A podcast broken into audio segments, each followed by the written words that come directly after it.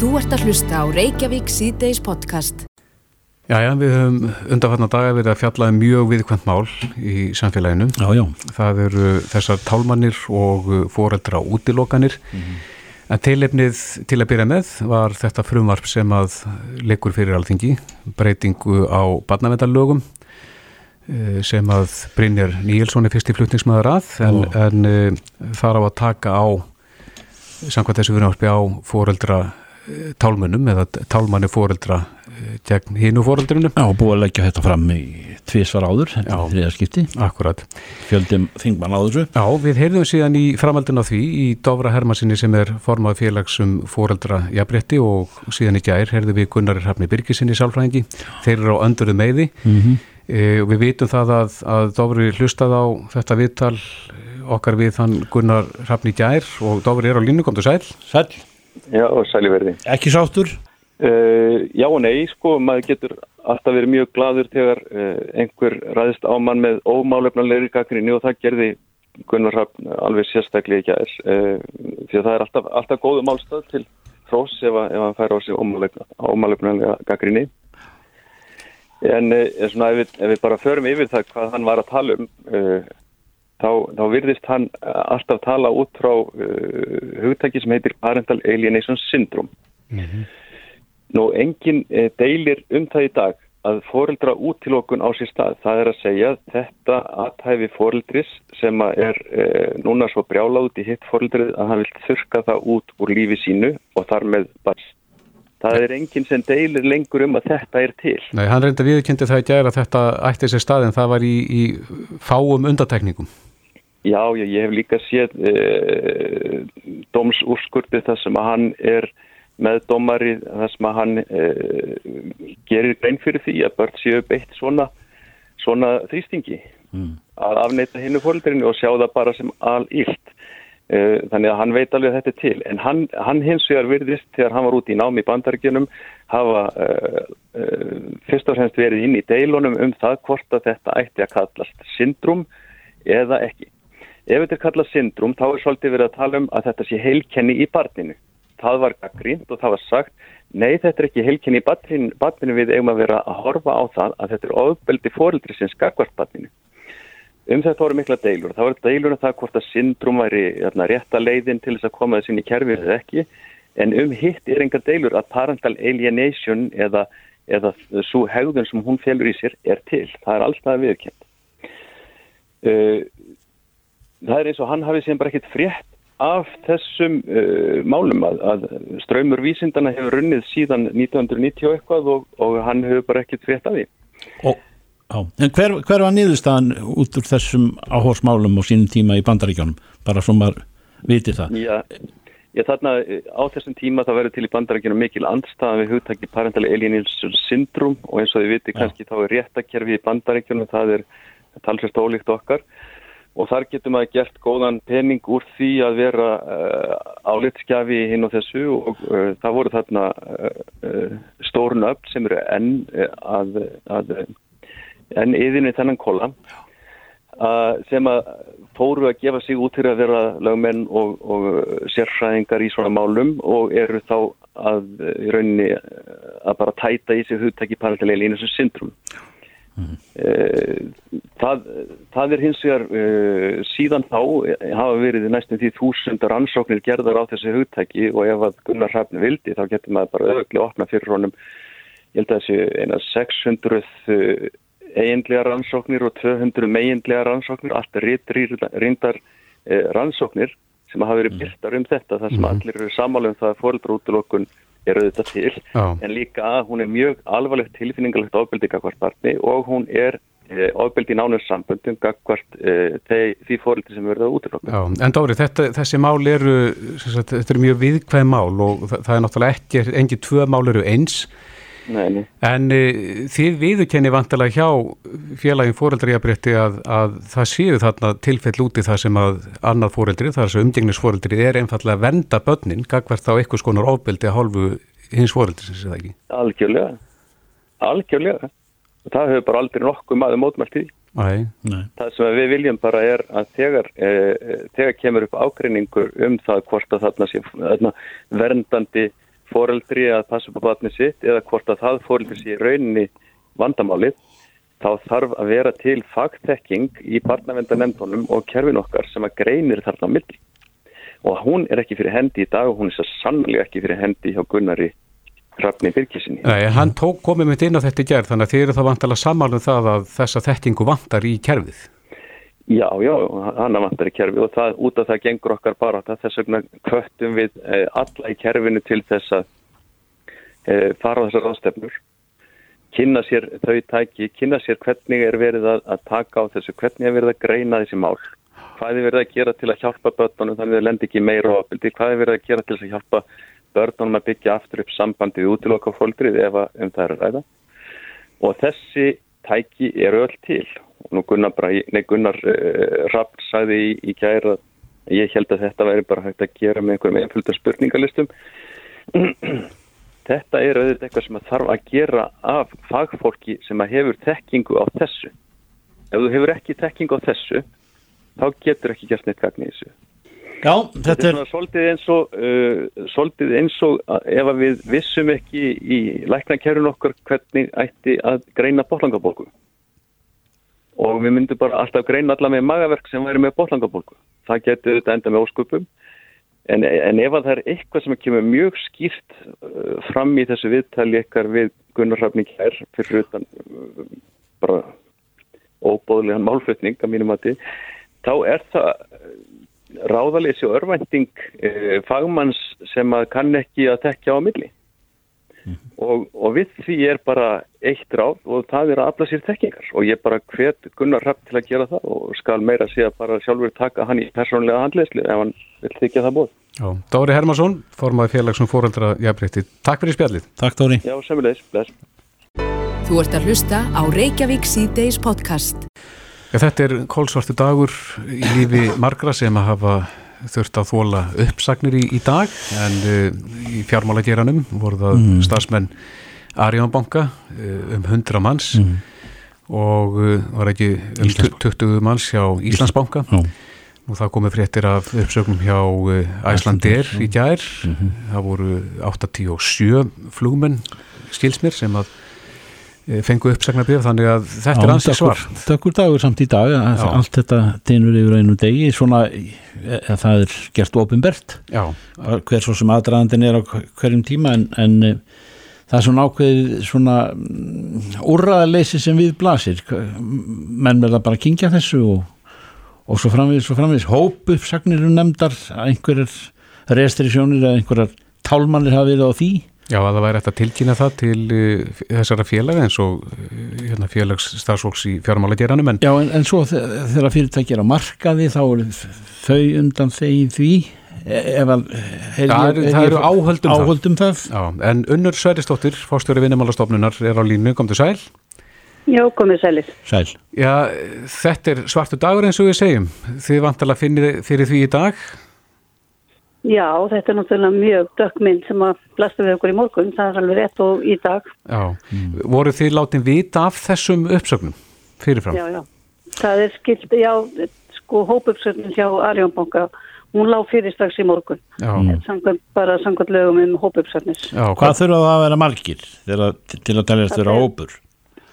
Það, já, það er fyrir eftir því hvað, sko fyrirtæki er stórt. Já. Það er sem sagt í lögunum það, það fyrir eftir hvað sem sagt hversu stórt í ef þetta eru 20 mm -hmm.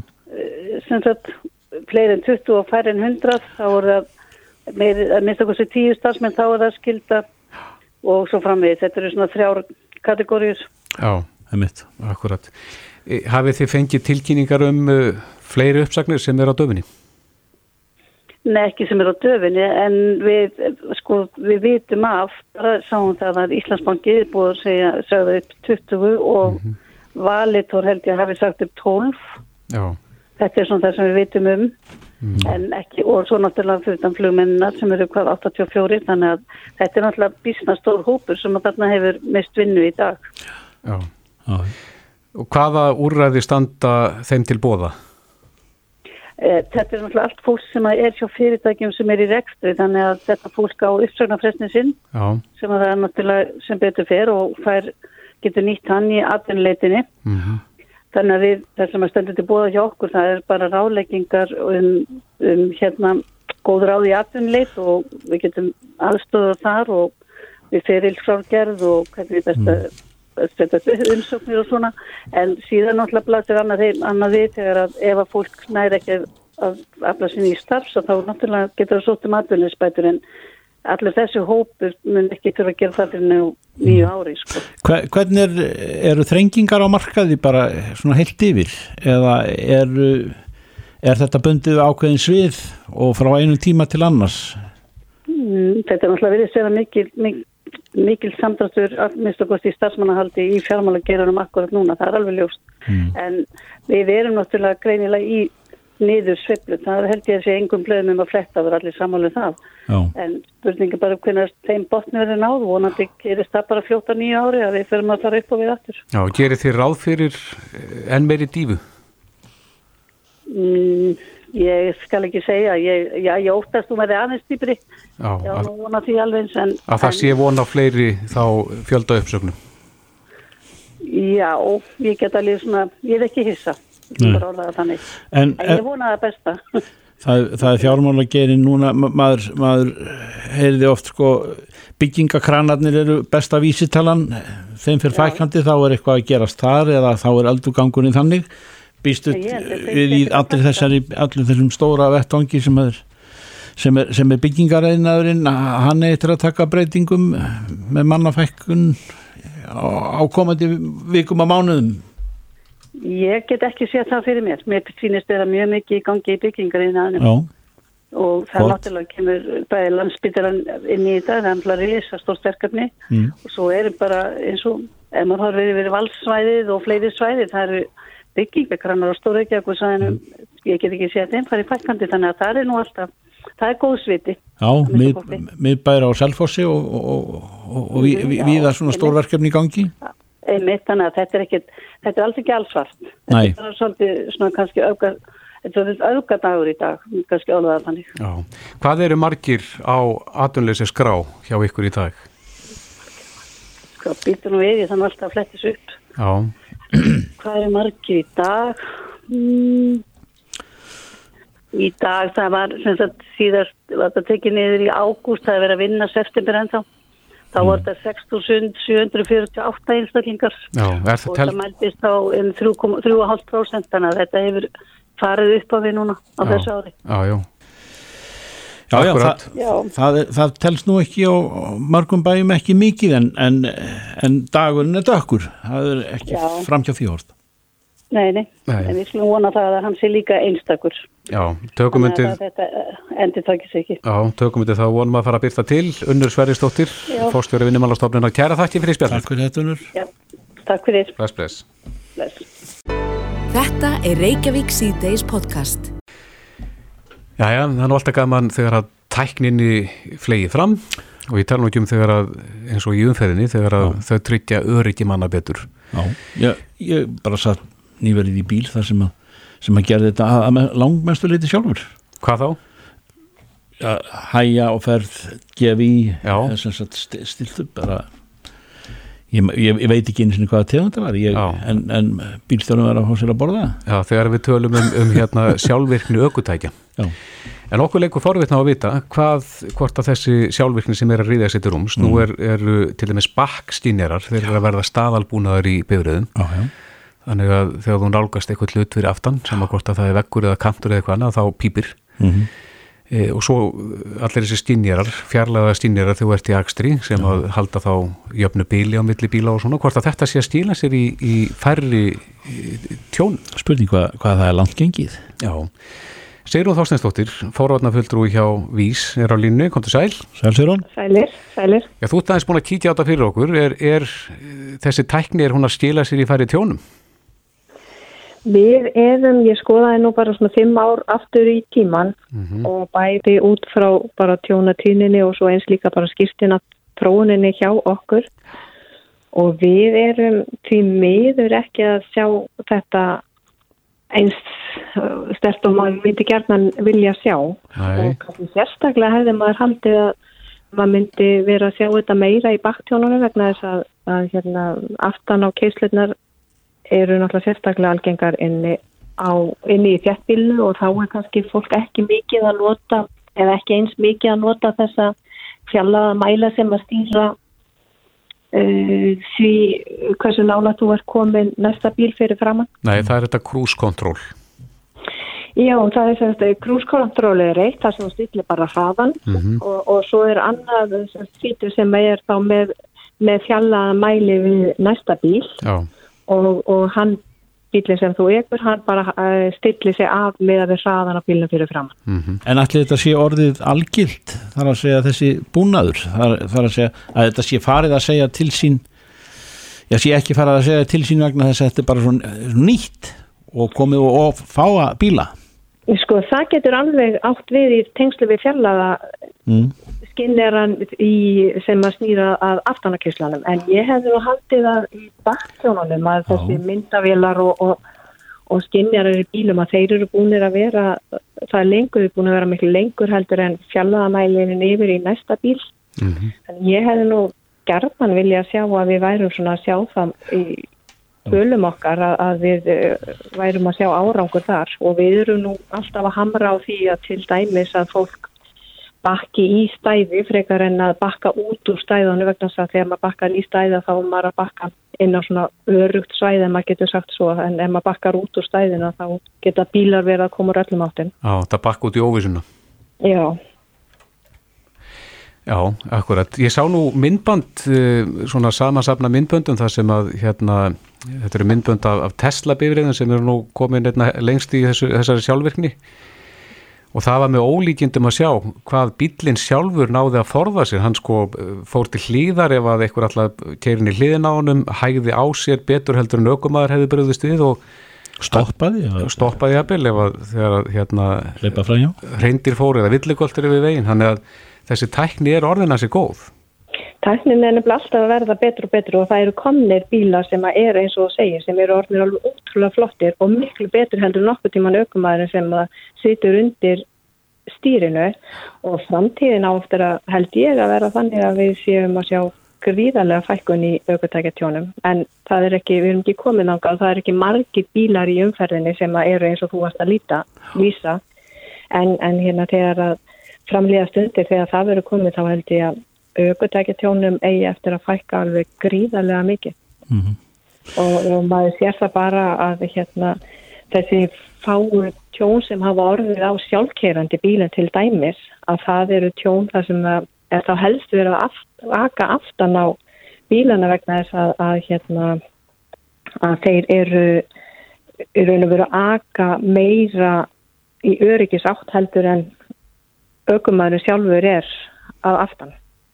Já, þannig að það vantar mm -hmm. þá kannski frekari skinnir að semst, aftan á þessa bíla uh, Nei, nei, í raun og veru það er aukumar sem kemur fyrir aftan á næsta bíl fyrir aftan sem ekur aftan á sjálfkerrandi bílin já, það er ekki, já, já. ekki sjálfkerrandi bílin sjálfur nei. sem er sökudólguri Nei, nei, akkurat, mm -hmm.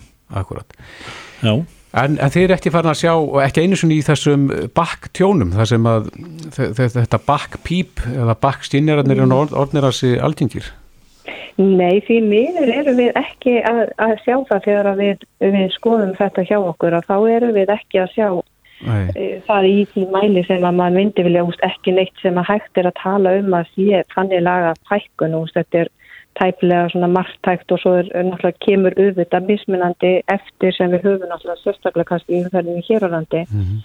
að þá getur margir vondir dagar að vetur til haft ótrúlega mikil áhrif í tjónatílinni hjá okkur sem getur auðvitað líka haft áhrif á þetta. Við, Já, hækkar meðaltali mm. já, já, við erum ekkert með þetta stabíla e, stabíla aðstæður sem eru á mörgum öðrum stöðum. Er þetta, er þetta algeng tjón, bakktjónin?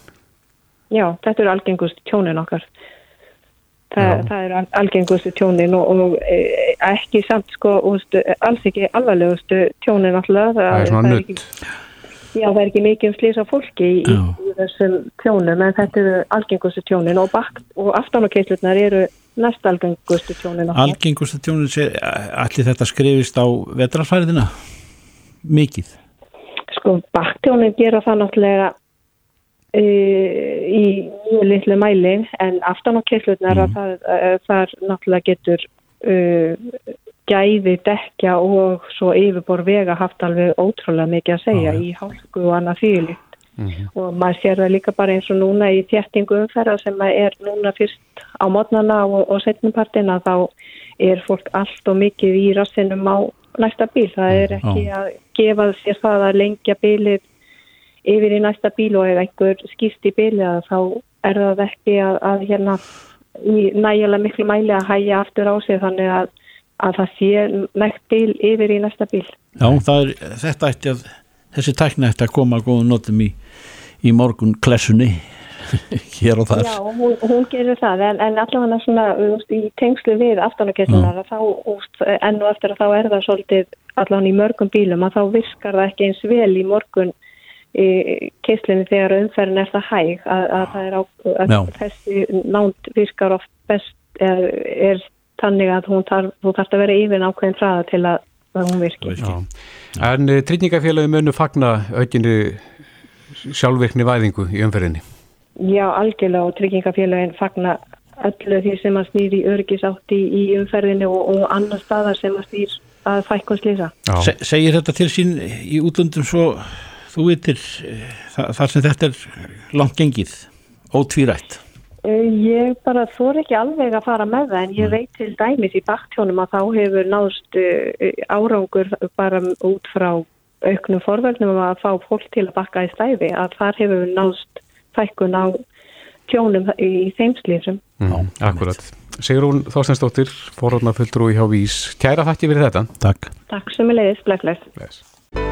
Reykjavík síðdeis á Bilginni podcast. Við hugum að samgöngumálunum og það var í ráði að, og ég betur en að, að það hafi gerst að e, gerður var samningur um það að sjö sveitafélög á ja, höfuborgarsveitafélögin og ríkið semdum uh, kröftuga uppbyggingu uh, á samgöngum á höfuborgarsvæðinu Já, ég veit ekki til ma hvað margra ára en, en þetta er, hefur, hefur ein, einkennilega dölu yfir sér.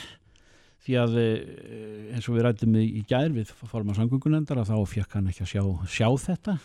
Nýja var þetta svona í þessum dularfulla dúr sem að var rætt eh, stuttlega um þetta á þing í dag. Þú, Simundur Davík Gunnarsson formað miðflóksins, þú andaði því hvað, hvað þetta ætti að þýða allt saman, bæði það að, að illa upplýst eða menn fengu ekki að komast að köllunum til að skoða hvað í, í þessu væri nýja heldur að, að, að skiptast að skoðunum um efni sinni haldið Já, ég spurði fjármálar á það út í þetta í dag. Uh, ég hef búin að vera í þessum bransaði núna í rúmlega tíu ár. Ég hef aldrei séð neitt eins og þetta.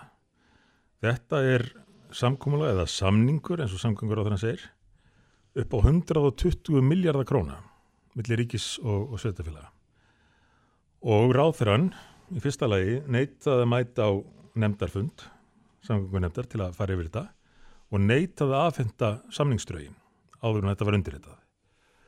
Og eins og flestir þekkja þá er það hlutverk þingsins að samþykja öll fjárútlát ríkisins og eflust gera menn einhvern fyrirvara þessu við það að þingi minni samþykja þetta.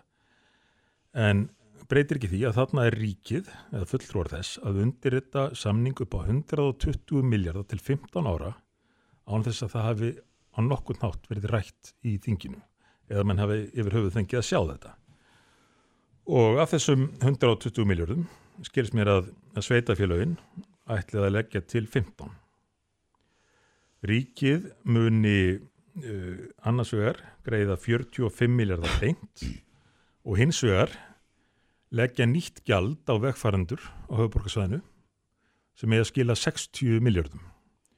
Það er að segja gjald fyrir það að akam gödunar sem að skattgreðendur eru þegar búin að borga á bílunum sem eru þegar búin að borga hinn ímsu gjöld af með eldsneitinu sem eru þegar búin að borga markvaldar álugur af að nú er að bætast við sérstátt gjald fyrir það að fá að fara um götur borgarinnar, gjald sem var kallað tafagjald. Mér skilst þessi að reyna að finna upp eitthvað nýtt nafn á það núna, flítigjald á það að heita. En einhvað síður gjald sem er refsigjald fyrir það að menn þurfa að sitja fastir í umferðarteppu uh, umferðarteppu sem að hefur verið búin til með stefnu undan farin ára og þetta eru þetta alveg með stökustu ólíkindum að þetta, þetta geti gerst að slíkar upphæðir séu settir henni í samning og ríki skuldbundið ekki bara til þess að greiða 10 miljardar heldur líka til þess að leggja nýjar álögur á almenning í landinu án þess að þingið yfir höfuður ræða. Er þetta ekki eitthvað sem að þingið þarf að eh, ákveða? Jú. Er, þetta, er, er þessi kem... peninga til bara til rástöðunar fyrir ríkistöld? Þetta, þetta, þetta kemur inn í þingið en á þessum fossandum mm -hmm. að, að stjórnvöld séu búin að undir þetta samning og það er bara svona sem kerfið virkar tökum bara en dæmi mun, af fyrir ekki þetta hérna sem þetta mun alþengi hafa síðast orðið í þessu máli Ríkistöndin getur ekki útdelt þessu fjármagni og ekki lagt þessu gjöld án þess að alþengi fjall um það mm -hmm. en þá þurfum við að hafa í huga hvernig þetta kerfið virkar tökum bara dæmið af landsbytalan það eru mjög mörg ár síðan menn áttuðu sig á því að, að þær framkvæmdir væru ekki einn skinsamlegar og og menn hafðu áður ætlað að byggja við gamla landsbítalan við ringbröð. Fjölmarkar ástæðir fyrir því sem ég hef rækið áður. Og það er alltaf maður í þinginu held ég sem að, það eru kannski nokkrir en ekki margir, sem að viðurkennir ekki að auðvitað sé þetta ómögulegt. En, það sem maður fær alltaf að heyra er, þetta var bara ákveðið fyrir svo löngu síðan. Samá við um svo kallega neyðarbröð Reykjavík-fljóðallar Þar undirretaði fulltrúi ríkisins einhvað samkómalag við borgina með fyrirvara um að alþingi þurft að koma að þessu.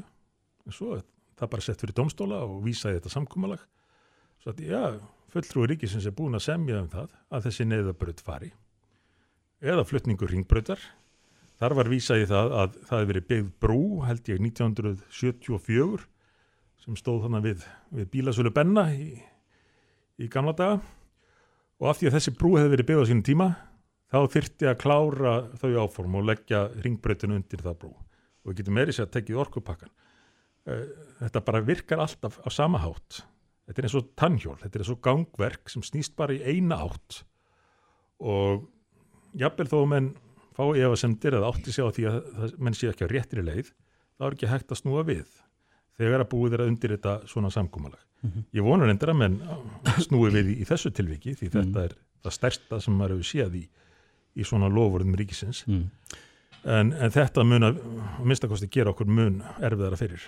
En nú er kallað eftir eh, umbúndum í, í samgöngukerfinu og bílafjöldir bílafjöldir or, orðin mikill og allt þar saman til gödunum um, hva, hvað er það sem að, sem að öskrar á, á mjög miklar framkvæmdir hér og, og hvað munum þær kosta? Er það í þessu plaggi? Það er að segja hver mun reka þetta? Hvernig liggur landið í þessu almennt og, og, og það er eitt orð sem er nefnt og það er borgarlína. Og það gerir þannig reynda líka. Einmitt, þörfin fyrir framkvæmdir á höfuborgarsvæðinu og reyndar um all land er náttúrulega augljós. Og ég hugsa að allir höfuborgarbúar þekki það nú orðið að, að vera stöðut heila hverjum degi fastir í, í umferðatempu en með þessu samkúmalagi eða samningi eins og ráðinu vil kalla er ekki verið að bæta neinu við það sem var lagt til um samgöngubætur í samgönguáallum nema að bætt við þessari borgarlínu. Og út af hvað gengur borgarleinan já, menn verðast hafa mjög mismunandi hugmyndir um það, ég heyrði í fjármálaráþurinn á þingin í dag sem var með sínar hugmyndir. Vildi bara að þetta er því svona auka agrein þar sem að menn fengi að keira nokkur saman í bíl og leigubílar og strætó. Það er alltaf náttúrulega hugmynd en, en borgarstjórun hefur og, og samfélkingin í Reykjavík sem að sjá borgarleinu fyrir sér með hætti sem að þau mega þó eiga það að þau hafa byrt í skýrslu. Að þetta verði uh, uh, kannski ekki á teinum en að minnstakosti eh, sérstakur agvegur fyrir nýja tegund af stræðisóknum sem að mun taka af núverandi göttum með öðrum orðum, ekki auka flæðið, heldur þrengja það. Að það verði tekna frá ein akrein í hvora átt á helstu samgönguðum borgarinnar fyrir þetta fyrirbæri, borgarlínu og það sé þá til þess fallið að þrengjað umferðinu öðru leiti, en það telur mér bara kost vegna þess að ef að, ef að er enn þrengt að annar umferð þá neyðist fleiri til að fara í borgarlínuna. Þetta eru þetta algjörlega kólröng nálgun og menn sjá það nú hversu illa hefur gengið að, að fjölga farþugum í strætó því að 2011 var samþygt voru samþygt áform millir ríkis og sveitafélaga um framkvæmda stopp í samgöngumálum í Reykjavík. Þetta tók gildi 2012 og þýtti það að í stað þess að, að leggja í úrbætur á samgöngukerfinu hér myndi ríkið setja miljard á ári í strætó með það að markmið að fjölga farþegum þar. Farþegar voru þá 4% sem notuðu strætó. Þeir eru núna 4%. Þetta verður engur skilað. Mm. Og borgarlínan er, að mínum að því, skýrasta dæmið um innviða verkefni sem er dæmt til þess að mistakast og kosta markvallt það sem að menn leggja upp með. Hvað kostar? Menn hafa nefnt ímsatölur, þetta er alltaf, alltaf 10 miljardar, 100 miljardar uh, líklega mistakosti en ja, við þekkjum slíka framkvæmdir þetta verður aldrei undir 200 miljardum og við getum líka bara litið til reynslu annar á landa, til dæmis til Edinborgar, þar sem henn voru með hugmyndir um svona borgarlínur, þetta er miklu stittir í milli flúvallarins og borgarinnar sem kostiði markvallt markvallt það sem hann gerður á fyrir. Þetta borgarlínuverkefni mun við fullir það hér og það má spila þetta eftir 10-20 ár mun kosta miklu, miklu, miklu meira en menn er að gera ráð fyrir núna og ekki leysa umferðarvandanir Reykjavík, heldur þvert á móti þrengja ennað umferðinni og þeir sem að sitja fastir munum þurfa að borga enn meiri göld fyrir það að sitja fastir í, í umferðinni eftir að hafa borgað fyrir bílana og eldsneitið og, og gödunar þá verður lagt á sérstakt refsigjald. Semundur Davík Gunnarsson, eitt að lókum e, það sem að á að gerast núna í, eftir undritin þessa samnings, er, er það eitthvað eða verða eftirmálar af þessu eða, eða liggur þetta í láginni eða um, nokkur að missa að skeið eða, eða hvað verður tekið til hendin í, í í að, að byrja að hanna og, og, og dela fjö. Þetta er náttúrulega keirt mjög aggressíft áfram af borgarstofnan meirulutunum meirreikjaðug sem er mm. þegar búin að ráða fólk í vinnu við það að fylgja þess eftir og þá kem ég aftur að því sem ég nefndi hérna í byrjun. Það er svona sem kerfið virkar.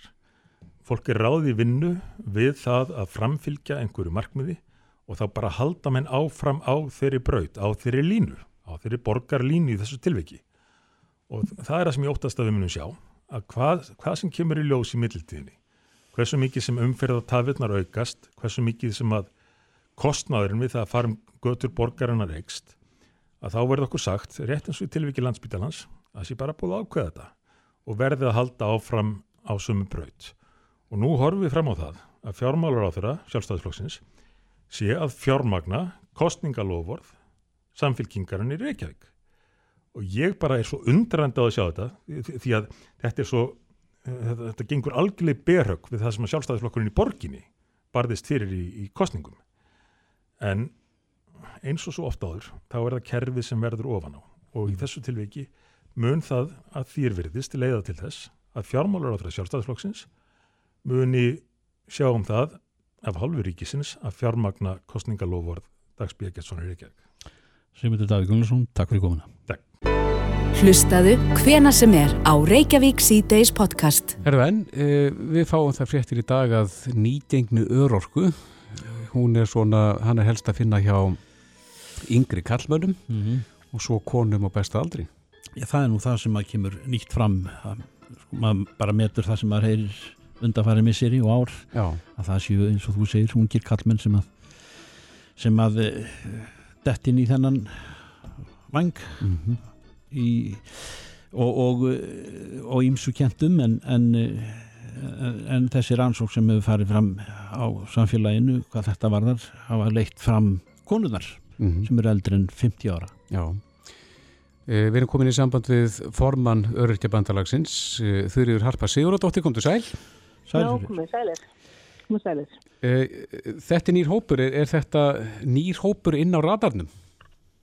Sko, kannski er það nýjur hópur inn á ratarnum en við erum alltaf vissulega kannski gruna að þetta væri svona og, og, og okkur fannst þessi umræðavarandi unga karlmann alltaf aldrei svona skökk mm -hmm. þannig að þessi greining leiðir í ljósa þetta að það er, já, hvað ég segja það er jú fjölgun en af, af uh, að stopnin er mjög lágur hjá ungum kallamennum. Þetta er ekki margir einstaklingar fjölgun sem ekki, það er ekki þeir sem ber upp fjölgun eða örökku lífur þegar hérna á Íslandi yfir höfu. Nei, eru það hérna konurnar þarna yfir 50? Já, en hins vegar þá sjáum við það að hérna, það eru konur um, á aldrinum 50-66 ára sem að sem er hérna uh, bera upp þessa fjölgun að mestuleiti og, og, og það er þessist það er talað að þessi 42% fjölgun er rækindi hvenna mm -hmm. og aldrei 50-66 ára sem er meira en samanlagt fram að karla á öllum aldurspilum í til fjölgunarinnar Já.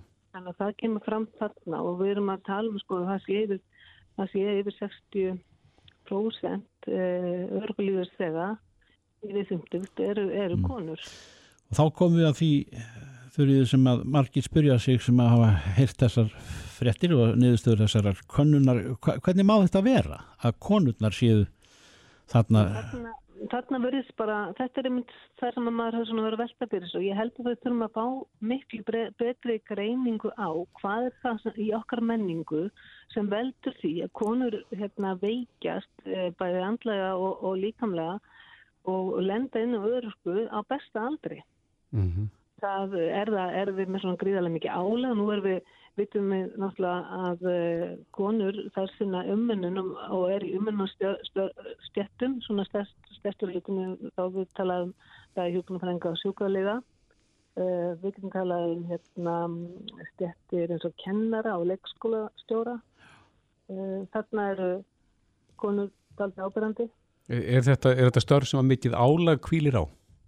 Það er mikið álag og það er ekki bara störfin, við getum bara sagt að það er mikið álag í lífinu. En hins vegar náttúrulega er ég kannski engin fræðum maður ekki búin að greina þetta en það sem maður hýri umræða að konur þar eru kannski að vinna jáfnframt í að sinna sko barnauðspeldi og kannski uh, allt upp undir fjögur börna á heimili að hérna að þá eru það að vinna 100% vinnu. Mm -hmm. og það er þetta ási og stundum eru og, og, og einstæði líka þannig að álagi frist vera talsvöld mikið á konum.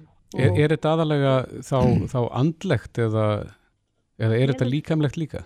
Þetta er bæði, þetta er bæði hérna, andlega eða geðrænt og kannski getur maður að kalla kulnun til þess. Og svo er það stóðkerjusvandi, það er konur sem eru í líkanlega erfiðum stu, stu, störfum, um, svo sem til dæmis við getum bænt á það að hérna það verður svona og ég held að sko álag uh, til lengri tíma hvort sem er að þetta er kannski stundum er það konur sem eru í lálanastörfum og eru stundna eiga langan vinnudag og, og er svo svona fjölskyldin líka að börnum og jafnvel um, uh, annars um aldra fórældra að álag sem verður á, á konum það, það hérna verður líkanlegt, ekki bara andlegt. Mm -hmm þannig að bara, það, þetta er stokkirisvandi líka mm -hmm. þess vegna er svo mikilvægt að, hérna, að við pössum upp á það að það sé góður, góður hvað sé að auðvilt fyrir fólk að komast í til dæmis sjúkraþjálfun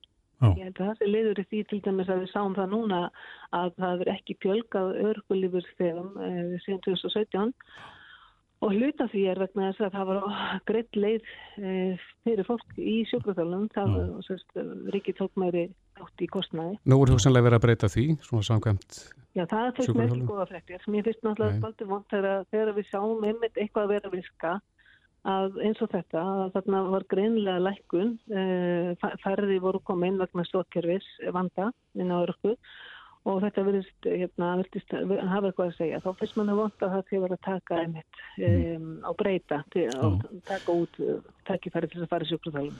En eru, uh, þetta hlýtur að kalla á, á uh, bara ríni nú áframaldandi sérstaklega á, á þennan hóp sem við vortum að tala um að því að við, Já. maður getur ímynda sér svona eitt og annað og eflust heilmikið til í því en að þetta fá svona sannanlegri mynda því af hverju þetta er orðið svona. Já, ég held að það sé alveg hérna komið tím til einmitt að við skoðum þetta aldrei vel sem hérna bara samfélag hvað er það að gerist þarna í, í hérna menningunni og í lífi hvenna sem verður til þess að það er uh, hellast úr listingum 50 á, á besta aldri og, þetta er náttúrulega mjög alvarlegt að, þetta sé tróðunni og þetta má ekki vera svona. Það er ekki gott sko. Sérðu tækifæri til þess að það sé hægt að, að, að hafa hraðan á að skoða þessi mál mælt í missurum árum Já, við getum nú sko bent á að vinnu, vinnu hérna, ASI og, og hérna, stjættafélagin, verkefæliðsfélagin hafa verið að berðast fyrir að fá, fá hérna, lækkun á vinnu, lækkun vinnustund á vinnuvíku og ég held að þar til dæmis e, væri mjög gott. Og síðan kannski þurfum við að geta útvega fólki fleiri, e, hafa í bóði hlutastörf þannig að fólk þurfi kannski ekki að vinna mm. það getur, þurfum ekki að vinna allan daginn, alltaf reynd en hérna, þannig það er bara ímynd sem kannski við þurfum að skoða hvernig getur við breytt þessu og hvernig hvað, hvað hérna týðir það þurfum við þær breytingar mm. þannig að Já, já. en öryggjablandarlega mun beita sér fyrir þessu vantanlega og því var að breyti það er ekki okkar ekkur að hérna, fjölgi öryrkjum, það er þess að móti þurfum við að fara í forvarnar, þá líka við viljum auðvitað hérna, unga fólki okkar. Við viljum auðvitað ekki að ungt fólk sé að veikjast, en ég held að við þurfum að styrkja rosalega mikið hjá okkur geðheilbreyðis eh, mm -hmm. og svo líka bara varandi svona alla endurhæfingu Já. ég held að við þurfum að hafa stóðir sem að virka fyrir fólk Já. og það verður að vera hægt að bregðast við bara mjög snemma, sérstaklega eins og með börn og, og ungmenni. Mm -hmm. Þurrið Harpa Sigurðardóttir, kæra þakki fyrir þetta. Já, takk fyrir. Bless, bless. Hlustaðu hvena sem er á Reykjavík C-Days podcast. Jæja, þeir eru snúm okkur aðeins að pólitíkinni fyrir vestan haf, en mm. uh, Nancy Pelosi, hún eh, tilkynnti það að, að, að það þurfti að rannsaka uh, þetta símtal sem að Donald Trump átti við uh, fórsetta Úgrænu og uh, þar tengjast pólitískir anstæðingar inn í. Mm -hmm. en það er spurning hvort að, að það sé komin upp svo staða að, að sem að gæti felt Donald Trump í ennbæti og það sé komin það sá högstaðu sem til þarf Já, akkurat Silja bara Ómarsdóttir, dósent við stjórnmálfræði til Táskóla Íslands er á línu, kom til sæl Sæl. Já, þetta er ekki kannski fordæmalög staða en, en uh, ný staða þegar það kemur að Donald Trump? Já, sannlega. Þetta, þetta hefur gert þrýsessum áður að þingja það fara að stað með rannsóknaborði þessa. Já. Og uh, í eingu tilvekana hefur það skilað því að fórseti hefur þetta að segja af sér en, en einu sinni sagði þó fórseti af sér, það var Nixon sem tók ekki áhættuna á því að, að fá ásitt dóm í þinginu og, og uh, veka áður en til kom. Mm. En, en er, er þetta þá mikil pólitík sem spilar þarna inn í eða uh, mun þetta þá niðurstaðan úr þessu máli litast af pólitíkinni, republikan og demokrater? Já, mjög, mjög mikið eins og sko, allavega eins og staðan er í dag. Í sko, tilvækinn Nixons að þá verðist uh, það sem að gerist undir lokin að þetta, þetta fer bara hann gerir, segir eins og, eins og Trump segir núna að þetta er pólitísk árás og nortnaveiðar og allt þetta þessi orðaða sem að þið þekkir. Að e, það sem að gerist síðan þar er þegar að gögnin eru komin fram og það er búið að rekja þau ofinbellega að þá snúast republikanir raun og veru gegnunum og, og honum verður ljóst að hann muni ekki geta staðið af sér þessa ákjöru mm, og nú... að dómurinn verði ekki honum í vil. Eins og staðan er í dag þá er Trump en þá örugur vegna þess að fulltróðildin, þar stýra demokrater þeir, hérna, þeir fari gegnum og þeir eru raun og veru að hafa þá hlutverki raun og veru sko rannsóknar uh, hérna aðila ef við hugsaum okkur að þetta væri dómsmál svona venjulegt mm -hmm. uh, inn í okkar réttarkerfi til dæmis og eru þá ákjöruvaldið leggja fram ákjöruna uh, full öldungadeildin hefur síðan dómsvaldið. Og, og það ekki... stýra republikanas og er það ekki mikill og stór meiri luti? Jú, það, þeir, þeir þurfa sagt, það þarf til þess að víkja fórsöldræmbæti þarf tvo þriðju meiri luta republikanir eru í meira hluta ekkert, ekkert rosalega stórum en, en alveg ágættum mm. og uh, þannig að þeir þetta ekki bara að, að fá, hafa alla demokrata með þetta þetta ná verulegum fjölda republikanina yfir. Já, en það sem þykir tvísind, já, það sem þykir tvísind í þessu máli að það, það sem hann er talan hafa brotið uh, af sér já. er, að hann vildi uh, láta hefja rannsókn á pólitískum anstæðingi sínum, Joe Biden og, og sinni hans Eh, er það bara skýlust brot ef, ef að það sannast á að nú eru til einhverjar upptökur af þessu og, og hérna búið að rita samtalið upp? Já, það er það sem hefur verið lagt fram nema eitthvað hafi gert núna meðan ég var að kenna eftir hátegi þá var það sem að, að lagt var fram í raun og veru var uh, sagt, ekki afritt af samtalenu heldur samantækt á því. Já. þannig að, að það er ekki sko, orður rétt endilega hvað hann sagði nákvæmlega. Mm -hmm. og það er svona sem að var búið að, að, að segja var að hérna svolítið í takti það sem að Michael Cohen fyrir umlögumæður hérna Trumps sagði fyrir uh, þingnefnd í, í fyrra uh, vetur var að, að Trump sagði aldrei berum orðin borgaðu þessum konum, borgaðu þessum aðilum. Mm -hmm. Þú vistir bara hvað það ættir að gera þannig að þetta er, þetta er kannski ekki sko augljóst af gögnum málsins hann hafi verið að fara fram á þetta en eins og einhver sagði í, í hérna þingin í gæra þetta væri sko svona mafjósa lykt af þessu að það, það væri sko sá sem á hlýðir veit hvað verið er að byggja um þó það sé ekki sagt berum orðum. Og, og auðvitað er þetta er pólitíst, það er ekki skilgreint hvað þeir glæpir þurfa að vera sem fórseti fremur sem að duga til þess að víkjónum voru ennbætti þannig að það er alltaf pólitíst mat sem lagt er á það. Mm -hmm. eða þess mat pólitíkusar eftir að sagt. Já og að því leiti þá er, er staða Trump uh, sterk í, í þessu máli.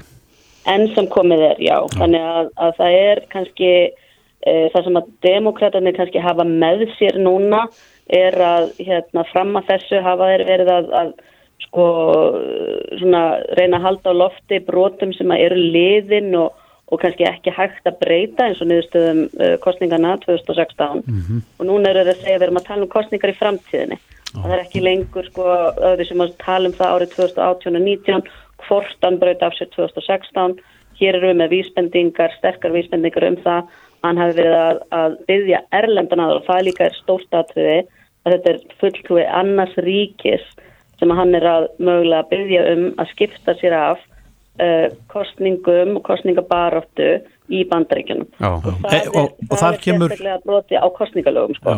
En, en uh, af hverju beinast þessi orð að að uh, frambjóðandi, fórsta frambjóðandi líklega demokrata megin, hvað gerði hann sem er sem að Trump vil láta rannsaka eða Trump er að eh, byggja úkræninsku yfirvöld. Svonur Bidens uh, satt í stjórn fyrirtækis í Úkrænu sem að uh, núverandi ný, ný kjörin fórseti í Úkrænu hann náði kjöri meðal annars með fyrirtæktum um það að, að reyna að uppræta spillingu þar í landi. Mm -hmm. og þetta fyrirtæki er eitt af þeim sem að hefur verið til skoðunar.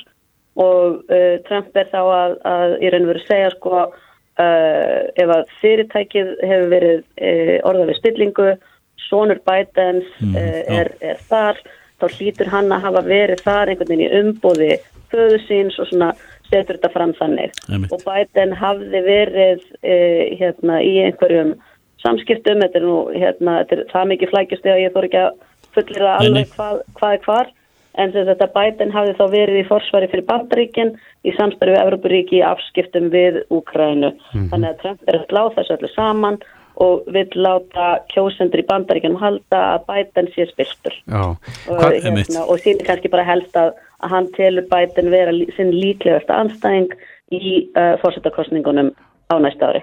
Hvað, hvað tekur svona málarækstur langan tíma? Er þetta eitthvað sem að er bara drifið af í kvelli eða getur þetta tekið Nei, eitthvað mánuði? Þetta, þetta getur tekið langan tíma sko og, og það sem að kannski eh, Pelosi hefur, hefur ekki vilja að gera þetta fram að þessu, kannski sínir að matverða á, á þessu tiltekna atveki eh, er að, að það sé oflangt gengið Um, þetta getur tekið vikur og mánuði uh, í það sem að gerðist þegar Clinton var ákerður 98 þá var farið að stað með það í oktober og síðan voru kostningar í november og það snýrist algjörlega í handan á republikunum og, og Clinton fikk mikinn stuðning í þeim kostningum vegna fólki fannst þetta oflangt gengið og, og bara, já, er ennverið demokrata bara grættu.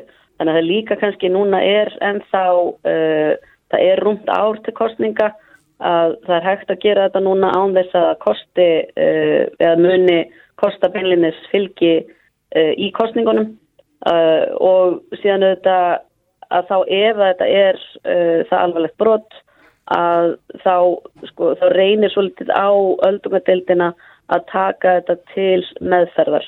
Og það er kannski svona það sem að, að myndu, sem að demokrata myndu kannski þá reyna að nota ef að til kemur ef að McConnell sem er uh, fórseti uh, hérna öldungadeildarinnar ef að hann myndi neyta að taka þetta til meðferðar þá myndu demokrater svona geta nýtt sér það og sagt sko þau eru ekki eins og tilbúin til að fylgja settum reglum uh, hérna vegna það verður aldrei tískast annað en að taka málinn fyrir í öldungadeildinni. Já, akkurat. Já, herru, kæra þakki fyrir að varpa smá ljósi á þetta fyrir okkur. Silja Bára Ómarsdóttir, dósent við stjárnmálafræði til Háskóla Íslands. Takk, takk. Takk.